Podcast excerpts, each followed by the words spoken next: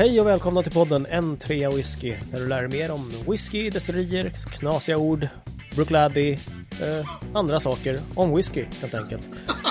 Idag sitter jag, tack och lov, med ordentlig social distans här över internet med eh, Mattias Elofsson Hallå, hallå. och David Tjäder. Hallå, hallå, hallå. Och ni är båda lite småkrassliga så att jag är glad över den sociala distansen. Ja, Riktigt. jo, du ska vara glad att eh, du inte sitter i samma rum. Yes. Hörni, ehm, vi börjar det här avsnittet med en liten trevlig läsarfråga som jag har fått. Mattias, har du lust att dra den? Självklart. Eh, vi fick en fråga på vår Facebook-sida facebook.com slash whisky eh, Och där har en Jonathan Wahlgren skrivit så här. Hej! Jag har en fråga jag gärna vill att ni tar upp rätt mycket om ni har tid. Jag har länge varit intresserad i att starta en whiskyklubb. Jag tycker att informationen kring whiskyklubbar är jätteotydlig. Vad är era erfarenheter kring whiskyklubbar? Vad man gör, hur de är styrda och hur man möjligtvis kan tänka om man vill starta eller gå med i en whiskyklubb. Lagar och regler är även lite svårt att förstå. Betalning av medlemmar, servering, inköp med mera. Ha det bra, med vänlig hälsning Jonathan. Mm, vilken bra och intressant fråga. Säger Ja, jag det var som mastig. varken är med, ja eller hur? Säger jag som varken är med i någon klubb eller ens, eh, tänkte jag säga, vet någonting om det. Mattias, är du med i någon klubb? Eh, inte i någon whiskyklubb. Andra klubbar är jag med i, Mm. men inte i en whiskyklubb. Och du då David, är du med i någon whiskyklubb? Eh, det är Svara jag ärligt. faktiskt. Det är jag. Eh, jag kan svara ärligt. Jag är med i Roslagens whiskysällskap. Eh, jag var med och grundade en eh, liten klubb som vi lite pretentiöst och med viss ironi kallar för Svenska Whiskyakademin. Och jag har tidigare Sådär, varit ja. med i Stockholm Whisky Enthusiasts, men där är jag inte med längre. Det är för jag är säkert med i någon annan också. Jag kom faktiskt på att vi för länge sedan så var vi, hade vi faktiskt någon slags klubb, det är några år sedan, som hette Glenn Farsta eh, någonting whisky. Hade vi inte det? Glenn Farsta Whisky Aficionados. Just ah, det. Lavage. Så Just var det. det. Just det. Där, Underbart. För att jag bor i Farsta, ja, precis. Så Mattias fixade ett snyggt, eh, en snygg logga där det var skrivet med Glenn Farklass eh, typsnitt, fast det stod Glenn Farsta istället. Precis. Eh, Lite precis. roligt ändå, Ja, va, vi- tycker jag. Det börjar bli dags att sparka liv i den gamla föreningen igen. Det var ju mer av lös, Mm. löst organiserade provningar hemma hos mig. Eh, Mm, Någon gång det. om året bara sådär. Väldigt Mm, sällan. mm. Liksom. Men nu säger du löst, ja väldigt trevligt, men nu säger du löst definierade så. Men, men kan man eh, definiera en whiskyklubb egentligen? Vad, vad, vad, vad menar man när man säger whiskyklubb, skulle du säga? Alltså jag tänker mig väl att en whiskyklubb i lite mer strikt betydelse så här är då, man ska ju vara några polare eller folk som känner varandra sedan innan. Eller för den delen om man tycker att det, jag bor i Flen och det finns ingen whiskyförening, jag vill att den ska vara öppen för precis alla. Men Mm, de brukar ju ändå ha liksom skrivna stadgar som man ju jättegärna kan bara höra av sig till andra whiskyklubbar för att i princip kopiera deras stadgar. Man behöver inte göra den Helt grejen så himla sno. krångligt, tänker jag. Mm. Ehm, och sen så brukar det ju vara att man betalar medlemsavgift som på något sätt går till några gemensamma flaskinköp eller någonting. Och det har ju vi inte haft i det här Glenn Farsta. Det har ju mer varit swisha mig Mm. lite pengar för nu har jag köpt whisky och så kom och prova. Mm, mm. Sådär. Men är det, är det det man gör, skulle man säga, i, i, någon slags grundutförande? Man ses och man provar whisky tillsammans? Liksom. Är det det liksom whiskyklubbs eh, ABC, tänkte jag säga? Ja, det skulle jag nog säga är, det är väl ändå, de flesta som går med i en whiskyklubb, de gör väl det för att de vill prova mer och annan whisky än vad de har hemma i sitt skåp. Och Mm. man vill ha den där sociala samvaron av att liksom prova whisky tillsammans med andra människor. Just Jag det. tror att en, en grej som folk, åtminstone om man precis, precis ska börja och starta en whiskyklubb. Eh, mitt intryck lite grann från men så här, vänners berättelser och så är att man ska nog inte krångla till det så mycket. Nej, för det lät lite krångligt när du började snacka om stadgar och sådana grejer och regler och hej och hå. Liksom. Då Alltså, känns det det på- genast lite större. Ja, men alltså det beror ju på hur många man tänker sig att man ska vara. Om, jag menar om vi tre skulle säga tillsammans med två, tre andra polare. Kan inte vi ha någon slags whiskyklubb? Och vi Mm. känner varandra jätteväl, då skulle vi bara kunna helt lita på varandra vad det gäller ekonomi. Eller hur? Mm. Vi- skulle Mm. aldrig behöva så här, Mm, jaha, vad händer med det då? Men så fort Mm. man börjar ta in så att man säger så här, men kompisars kompisar kan också få vara med och, och så sätter man någon slags tak på ett visst stort eh, antal då medlemmar. Då, Mm. börjar, det- då är det ju läge att ha stadgar, därför att är det någonting som folk tjafsar med varandra kring så är det ju pengar liksom. Mm. Om du Ja, helt just plötsligt har 50 medlemmar och det kostar 200 spänn om året att vara med i föreningen. Mm. Eh, då gäller det att ha lite skrivet vad som gäller kring om man inte gick på några provningar det året. Och vad, vad, vad, då har jag ingenting som jag har fått ut Mm, för mina mm. pengar och lite sådär. Just det. Ja, men bra. bra. Mm. Då har Ja. man ju lite, lite riktlinjer och hållhakar och, och bra att tänka Sen- på. Jag, jag tror en annan grej man kan tänka på, också beroende på hur mycket eh, whisky de här människorna som går samman egentligen har provat. Men jag, jag tror att ibland gör folk väldigt så här ambitiösa. De gör, de gör provningarna väldigt, väldigt ambitiösa. Så att det ska vara Mm. liksom en stor PowerPoint-presentation med där varje destilleri beskrivs i stor detalj och hur många ton malt det är i varje, vid varje inmäskning. Och, alltså, jag tror man, Ja. man överdriver förväntningarna eller på, på liksom att man tror att det är det folk vill ha. Ja, malttonnage vid inmäskning. Det är, väl alltså, Mm. det är väl det alla vill ha, eller? Ja, alltså jag har ju varit på provningar som Hur har stor hållits. mash ton har de? Ja, men precis. Och- när, Vilket när det- material har den? Ja, exakt. Nej, men när, när även en sån som jag, som ju är ganska eh, mastigt nördig, har suttit på, på provningar där jag har känt så här, men jag är ointresserad av de här detaljerna. Just nu Ja. vill jag egentligen bara prova de här sex glasen med whisky som står framför mig och jag vill snacka med de bordsgrannarna och sådär. Och här står någon och vevar på liksom om skärningspunkter och hur mycket, hur många ppm röker de malten till och sådär. Det kan bli Mm, mm. att man sätter ribban mycket högre än vad folks intresse egentligen är. De kanske mest Ja. kommer dit för att, "Va, vi dricker lite whisky. Jag tyckte trean var god. Jaha, vad kul. Kan man, kalla, kan man kalla det för någon slags lågvinsfetischism det här?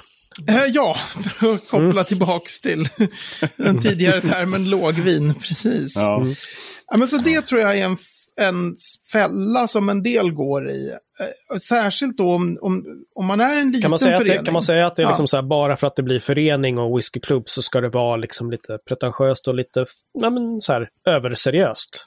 Ja, lite överseriöst och lite så, särskilt om ni är, om man, om man är, säg att man är tio polare, man känner varandra någorlunda, man har sagt lite så här, ska vi inte starta Mm. whiskyklubb?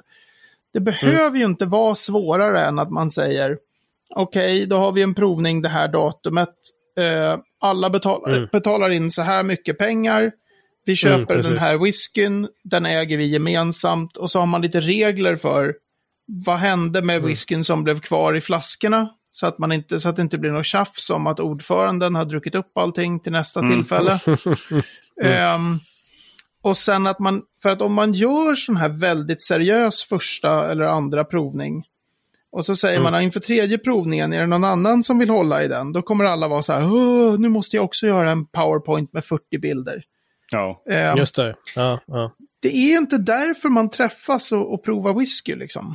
Nej. Mm. Det är ju för Men att behöver man, ens och prova ha, whisky. behöver man ens ha en klubb då? Kan man inte bara liksom, hej, vi, vi ses och prova whisky? Jo, men blir Men inte Mattias, då det... kan man ju inte ha t-shirten med loggan på. Exakt. Alltså- Just det. Just det. Ja. Nej, men jag tror så här. Det kan man göra, men det tenderar kanske att bli som med Glenn Farsta då. Att jag gör det. Och sen så går Ja. det något år och sen så helt plötsligt har jag inte gjort det på ett tag och så rann det ut i sanden. Ja, ja. Så det är ganska Mm, bra att ha den formen och ha tillräckligt mycket medlemmar för att på något sätt, om man med ganska många föll ifrån den här gången, men vi blir ändå en, liksom tio pers på provningen. ja. Mm, och så har, säger man då eh, vid första mötet på året att provningen är det en 12 mars, det är en då och då. Alltså, Mm. det, jag tror att det Mhm. gör att folk håller igång det. ja men Ehm. precis. Och att man planerar in det liksom redan första mötet, årsmötet, whatever. Ja, Så här, Mm. Ja, men nu vet jag att det här året då är det de här fem provningarna på de här datumen. Liksom. Boom. ja. Och, och ta, Mm, ta mm. bara när vi pratade om att vi skulle dra igång den här podden. Och så snackade vi Ja. om hur Mm. ofta skulle vi kunna spela in. Och jag sa hela tiden Mm. så här, aldrig att vi kommer kunna göra det här liksom så ofta som en gång i veckan. Men Nej. nu gör vi ju det en gång i veckan, för nu är man ju, Mm. in, det har blivit en vana liksom. Ja, men precis. Mm. Ja, men så är det ju. Absolut. Lite grann så, blir det med Whisky Club, att man, Ja. att man Ja, kan liksom... En provning i veckan borde kunna vara en vana då, helt enkelt. Ja, Nej. det, det, det blir lite Ah. mycket kanske. Vad var Kanske det som att lägga ambitionsnivån? Ja, precis. Men jag tänker en, en, annan, en annan fördel med att ha en whiskyklubb. Nu killgissar jag här lite grann, men eh, det kan ju vara också så här att är man många i klubben och kan gå ihop om inköp så kan man helt plötsligt prova eh, en, en eller flera whiskys som man kanske inte hade haft, eh, känt att man har haft råd att köpa annars. Mm. Men om man är flera och går ihop så köper man en flaska och delar den på de x personer som ska prova. Mm. Vilket gör att man kan, man kan prova liksom dyrare, exklusivare whisky utan att det liksom Ja, men det är ryker ju en månadslön. Liksom. ja, men det är ju en skitbra anledning, skulle jag känna själv. Liksom. Ja. Verkligen. Alltså det är, ju, det är ju dels det att man kan prova eh, dyrare whisky, absolut. Men också eh, något så enkelt som bara fler whiskys. Ja, För Mm. att man kanske Ja, ja, sitter där och är så här, eh, många har ju den här att man är entusiastisk inför ett visst destilleri och, och, och gillar Mm. att samla liksom whisky från bara Amrut eller Mm. bara från Millstone eller något sånt där. Man liksom har Mm. väldigt mycket sin expertis på ett enda destilleri eller en enda whiskystil. Mm, och så just går det. man ihop ett gäng och då är det någon annan som är så här, jag gillar främst liksom orökig whisky lagrad på bourbonfat. Och då kanske man själv då har varit helt fast i Ayla-träsket i tio år. Och så får man Mm. en möjlighet att uppleva andra whiskys och många, många fler Mm. whiskys då än vad man skulle ha råd att hålla på och köpa om man skulle köpa alla de där helrören själv. ja. Mm. Ja, det är en väldigt bra poäng förstås. Eh, absolut. Och dels få in lite nyheter i, som man kanske inte själv skulle ha provat. Ja. Och sen som sagt dela kostnaden på alla andra. Det är, det är inte så dumt. Men hur Nej. är det med sådana här, till exempel, eh, känner du till några whiskyklubbar som gör sådär eh, gemensamma inköp vad det gäller eh, fat och fatandelar och sånt i destillerier? Oh, nu, något? ser vi upp en, eh, nu går vi upp en nivå här känner jag. Mm. Ja, Ja, men det är ju liksom nästa, det är ju nästa eh, steg väldigt ofta för, för whiskyklubbar, beroende på hur stora de är. För det finns ju en del jättestora whiskyklubbar med, som har flera hundra medlemmar. Ehm, Mm. och de kanske har nått ända till den nivån att de gör sina egna klubbbuteljeringar. Bara Ja. för de egna medlemmarna liksom. Och inte bara från eh, att, de, att man köper ett fat och sen väntar man i 12 år eller något sånt. Eh, Mm. Men den här Roslags, eh, Roslagens whiskysällskap där jag är med, eh, där administrerar Håkan Staff som är ordförande ett gäng fat. Det är liksom, Mm. Varje år är det ett nytt fat och så Mm. frågar de medlemmarna, vill ni vara med på det här fatet som vi, vi tänkte köpa det här och det här fatet och så. Och det Mm. kan ju vara en, en jättekul grej också då. Ja. Men det, det är Mm. väldigt olika. Jag tror, den här, hette han Jonathan va? Jonathan Han Wahlgren. som ställde frågan. Yes. Just Yes. det här när man, när man när det är precis, precis ska börja med whiskyklubb, då tror jag man, den första grejen man ska tänka är hur stor vill jag att den ska vara? Finns det ett egenvärde att vara, att bli många? Mm. Eh, eller är det mer så här, vi är tio polare som tänkte gå ihop. Och då kanske man ska säga att man sätter någon slags tak efter ett visst tag. Att man säger, ja men nu har folks polares polare börjat komma med. Nu börjar vi bli uppåt en liksom 15, 20 eller 30. Ska vi, ska vi säga Mm. att nu blir vi inte större? Eller Mm. Mm. satsar man på liksom att bli en väldigt stor whiskyklubb? För det, får, det är väldigt olika mycket administrativt roddande för dem som är Ja. som håller på med det. Sen tror jag man också ska se till att det inte är en enda person som driver hela klubben. Nej, precis. Nej, just Eh, det. det verkar Man måste liksom bli...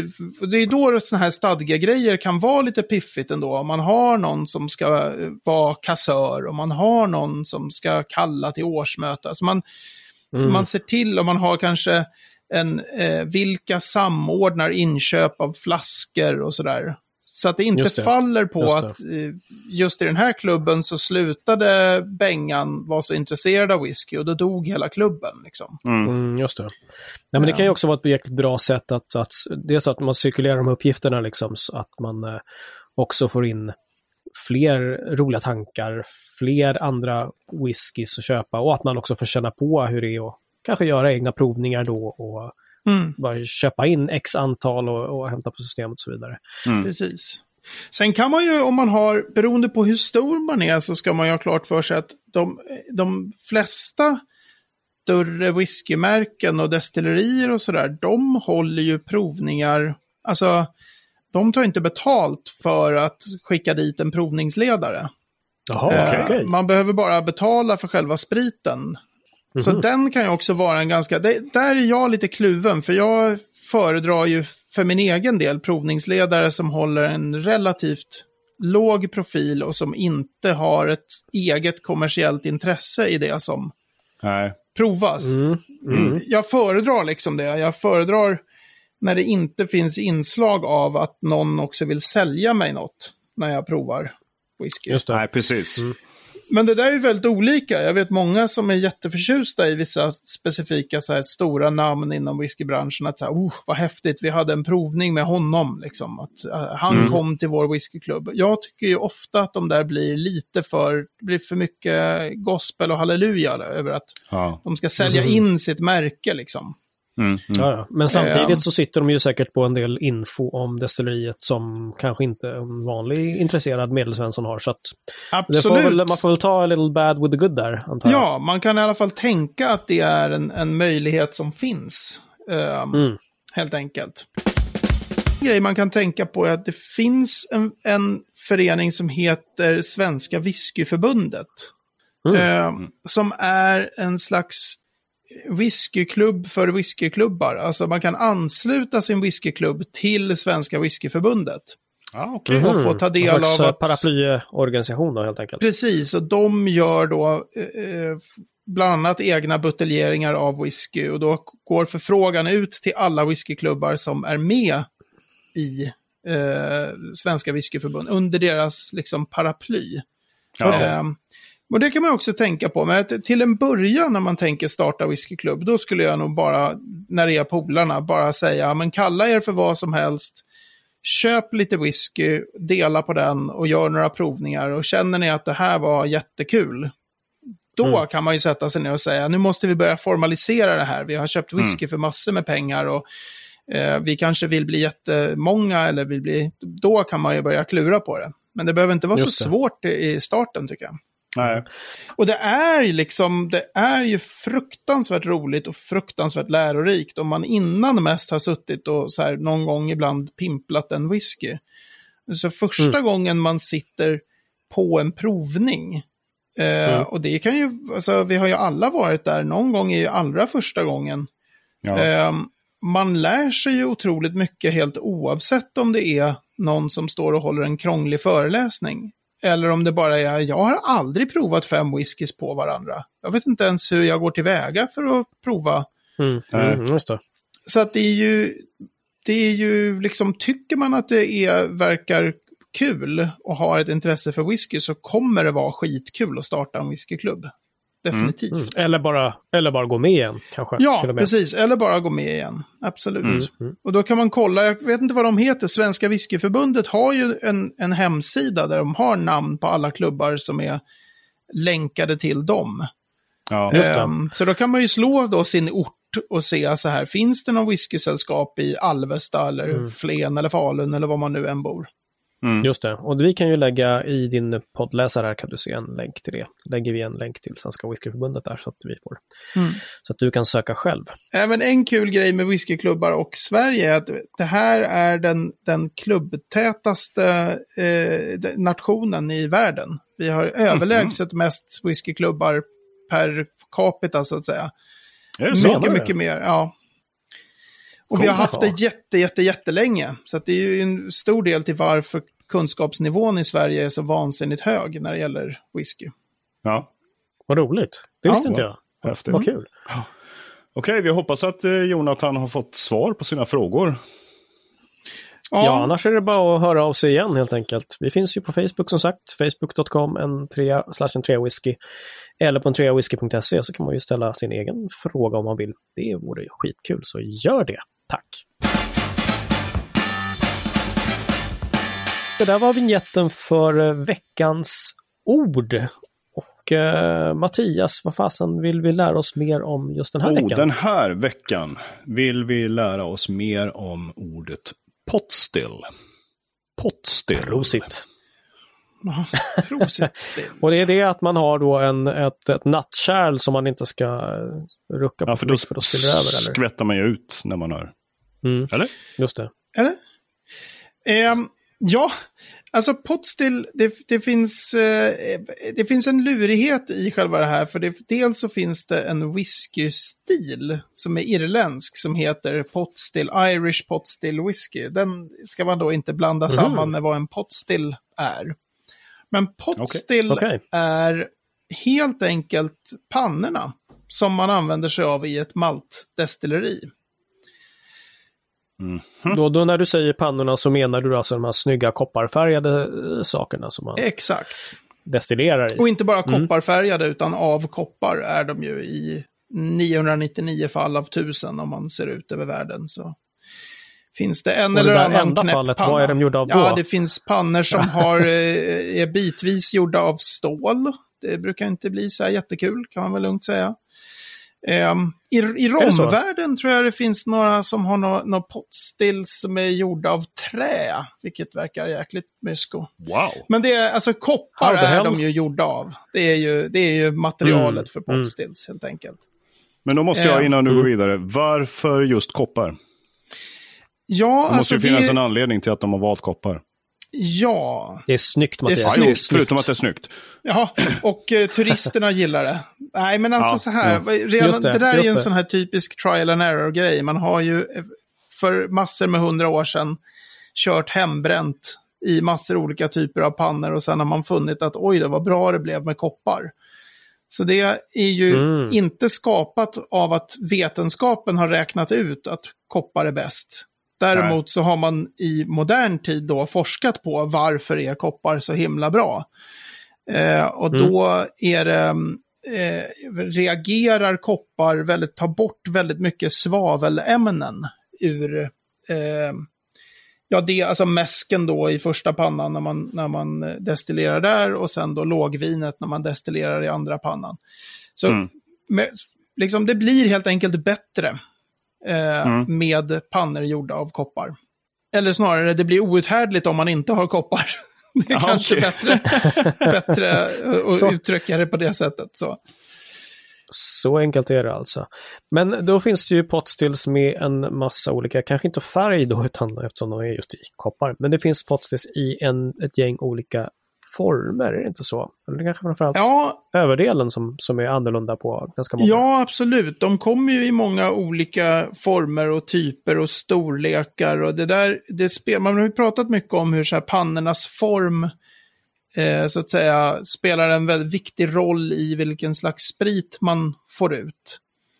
Eh, och, då, och då pratar man väldigt mycket om, om det här väldigt, väldigt vanligt använda ordet i whiskyvärlden. Man pratar om kopparkontakt. Så hur mycket mm, kontakt mm. det som du destillerar egentligen får med kopparen. Så i princip, ju mer kopparkontakt du får, desto renare mm. blir din sprit. Mm. Väldigt Jaha. grovt sett. För att det okay. spelar, massor Lustigt. annat spelar in också. Så säg att du mm. tar en, du har en panna som är väldigt liten och päronformad. Mm. Okej. Okay. ja. Och så börjar du koka grejer där. Då kommer ju ångorna att åka upp i den här päronformen. De kommer inte fastna mot någonting på väggarna på väg uppåt mot den här armen som går ut från potstill som kallas för line arm. Mm. Det är liksom mm, bara som en, man kan säga pott betyder ju kittel då, så det är längst ner på pannan, mm, det är mm. kitteln det som är så att säga vägen upp ur kitteln och upp mot den här armen kallas för svanhalsen. Och mm. sen är det ut i line arm och sen är det iväg okay. till kondensorerna. Då. Och ett, en päronformad mm. eh, potstill, jag brukar kalla den för bara traditionell mm. kopparpanna. Om man Mm. ska snacka svenska då. Jag har sett eh, översättningen kittelpannor, men det låter så otroligt... Det låter som... Det låter som så här, vad heter det, taftologi? Alltså, ja, det låter bara konstigt tycker jag. Alltså, det låter som någonting som häxor använder. en, kas, en kastrullgryta Ja. liksom. Men om man tar den här Mm, päronformade pannan, där kommer det vara ganska lite kopparkontakt. För det är ingenting för de här ångorna att liksom fastna på, de kommer åka rätt upp där. Men så kan du ju Mm, ha just, att okej. själva kitteln smalnar av så att själva sma, alltså svanhalsen på väg upp, den är ganska smal. Då kommer ju saker och ting Mm, koka där nere i kitteln och sen ramla tillbaks ner i kitteln och sen börja koka och ramla ner i kitteln igen. Blir mer kopparkontakt Mm. med en, med en right. smal svanhals då, så kan du göra den där svanhalsen väldigt hög. Som uh, Glenmorangie har Skottlands eh, högsta pannor.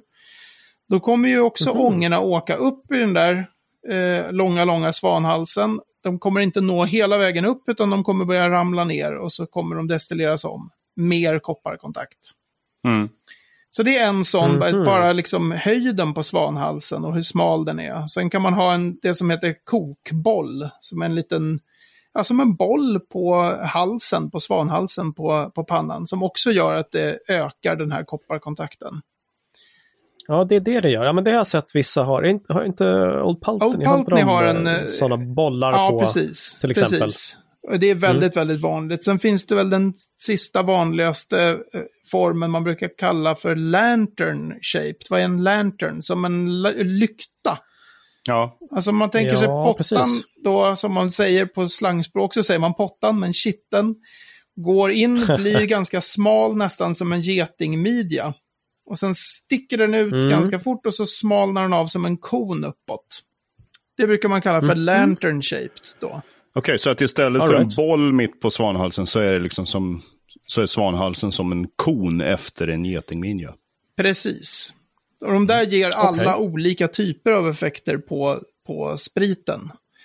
Sen är det förstås som så väldigt mycket annat i whiskyvärlden mer komplicerat än så. För det spelar jättemycket roll sen hur. Alltså kokar du det som du destillerar väldigt hårt och fort? Eller gör du det väldigt långsamt? Fyller du dina pannor med Mhm. jättelite eller nästan upp till bredden med hur mycket du kan fylla dem? Hur eh, gör Okej, du med de här okej. skärningspunkterna, det här som vi pratade i första avsnittet om Spirit Safe, alltså Ja, spritskåpet. det. Hur styr du receptet där? Mm, Så att det inte, man kan inte säga så här, jag tittar på en panna och så ser jag på en gång att "Åh, det här kommer vara en grov whisky. Utan det finns massor Nej, annat som det. spelar in det också finns så förstås. mycket annat som Mm. står in. Ja. Ja. Okej. Så det är potstill. Jag föredrar, eh, just för att snacka svenska, det här traditionell kopparpanna. Ehm, Mm, just det. Ja. Ja, Härligt. Ja, men jag tycker vi har lärt oss massor om potstill. ja, Åtminstone Ja, jag. jag gjort tror det, Hur att känner du det- Mattias? Absolut, absolut. ja. Då har vi kvar veckans destilleri att prata om och David kommer att ha tre minuter på sig att prata om ett destilleri och Mattias vet idag vilket destilleri det här gäller. Ja, det vet jag. Och det är destilleriet som heter Dalmore. Tre minuter från och med nu. Den här gången har jag haft lite fuskmöjligheter för att det här var ju någon som kommenterade Nej. på en trea whisky. Så jag var så här, Dalmore, om de väljer Dalmore då måste jag faktiskt kolla lite. Så jag ska i ärlighetens namn erkänna att jag tog en snabb titt och såg att det var grundat 1839 om det skulle dyka upp. Det hade jag inte direkt i huvudet faktiskt. Dalmore är ett maltdestilleri som ligger i Highland-regionen. Ligger någonstans på östra kusten om jag inte missminner mig, en bit ner. Det eh, drivs av ett eh, företag som heter Whiten Mackay, eller Mackay, hur man uttalar det. Eh, destilleriet som jag nu flera gånger säkert har kallat för Dalmore, vilket jag är livrädd för att säga fel, det uttalas egentligen Dalmore. Ja, såklart. Ja. We should have known. Ja, Mm. precis. Så de är väldigt kända för sina alltså, sherried whiskies. Att de, har, de kör väldigt mycket sherryfat. Mm. Ehm, Ah, okej. De är också väldigt kända för sin master blender Richard Patterson som är ett, en, ett stort namn i whiskyvärlden. Och en, Ja, ja, ja. Det Ja. har jag sett någon gång. Han slängde lite whisky på mattan och hej och liksom. exakt, han är en, lite en estradör. Ja, han är en showman av, av rang. Så. Mm, Eh, en okej. rätt ball grej med Dalmore då är att de har, nu kommer det bli lite nördigt, men de har på sina spritpannor en grej som heter water jackets. Så vi har precis pratat om det här med potstills och hur de funkar. Om man då tänker sig toppen av den här svan halsen, nu höll jag på att säga svanarmen, men det är line arm och svanhals. Toppen av dem har eh, som en extra behållare runt sig som, där man kan då, som man kan fylla och spruta med kallt vatten. Så att det blir extra mycket kopparkontakt. För att då kondenseras ju de här ångorna. Mhm. För att det är mycket kallare där uppe i toppen än vad det skulle ha varit annars. Och så åker det ner igen. Eh, det finns bara på några få, få pannor i hela Skottland, de här water jackets. De är ganska häftiga. Eh, så Dalmore, de är kända för detta. Vad mer de kända för? Ganska mycket eh, rejält dyra buteljeringar. Ehm, de, det, det är mycket Mhm. det här kittla liksom lyx. Den här luxuösa whiskyn så. Jag ska tänkt att jag, vi ska se om jag, jag hinner nog inom tre minuter. Ja, Mattias, vad säger du om Dalmores själva flaskdesign där? Ja, alltså hade du bara frågat mig rakt av så hade jag ju sagt att den är fullständigt vedervärdig. Jag tycker den är skitfull. Men när du sa att de appellerar till liksom eh, high-end, eh, lyx, eh, då kan jag förstå hur de har tänkt eh, med designen på flaskan. Det är alltså en ganska, eh, man ska säga en, en, en bred, tjock flaska med en ganska rejält eh, lång hals. Och sen blir den liksom ännu tjockare i botten. Och sen har den en ett stort hjorthuvud i silver liksom som påsatt på flaskan som i relief. Sådär. Okej. Vi kan visa den i, i. Fullständigt vedervärdigt. Men hur är whiskyn då måste jag ändå, hur smakar whiskyn? Vad, vad kör de för stil? Jag måste ändå fråga här. Ja, vi är ju på klart över tre minuter, men eftersom Mattias fick hoppa men in Mattias och, och ut prata design. Ja. Ja. men alltså det är, är ju helt orökigt, väldigt mycket sherry. Jag uppfattar den som relativt ren whisky. Eh, Jag ska vara helt ärlig och Nej, säga att nej, jag... nej, gjort. Ja, ja, just det. Nej, men jag uppfattar den som, som en, en... Alltså jag tycker att de är ganska tråkiga, Dalmore. Eh, Jag har Och jag som just tänkte varit... fråga om du hade någon, någon, som, någon god som du hade provat. Ja, jag är faktiskt ingen som har varit så här wow. Jag tycker att de är, är ganska överprisade och att det, det, jag tror att jag reagerar tvärtom också mot när, när något försöker säljas som så här, det här är jätteluxuöst, det här är super, super lyxigt, det här är oh, only the best casks. Ehm, och sen Mm, buteljerar de ju okej. i princip allt sitt på 40 procent, vilket eh, blir lite olyxigt tycker jag om man ska ta massor med tusenlappar för en flaska. Då bör man ligga på Ja. minst 46. Precis. Okej. Så lite Ordning. skeptisk där alltså. Ja. Full flaska, dålig procent. Rakt av. Men Eh. rolig masterblender. Ja. Otroligt rolig masterblender och det är säkert också så, jag har inte provat så många Dalmore. Eh, så att det, det kan ju säkert vara jag som har eh, liksom oprovat. Men, men det känns lite som ett sånt här väldigt mycket lyx och flärd och, och yta och marknadsföring som man betalar för. Liksom. Ja, Lite okej. så faktiskt. Jag har faktiskt inte heller eh, smakat någon som jag kan, kan komma ihåg, men ska göra detta vid Mm. tillfälle. Så återkommer jag med rapport. Japp. Och Då så, då stänger vi butiken och säger att på n3whisky.se 11 kan du hitta det vi har pratat om i form av länkar och kanske lite bilder på snygga eller fula flaskor. Det får du faktiskt bedöma själv. Kolla gärna på Facebook på facebook.com n3whisky. Kan du ställa frågor eller skicka meddelanden eller sådana saker. Eh, Mattias och David säger hej då. Hej då! Vi ses!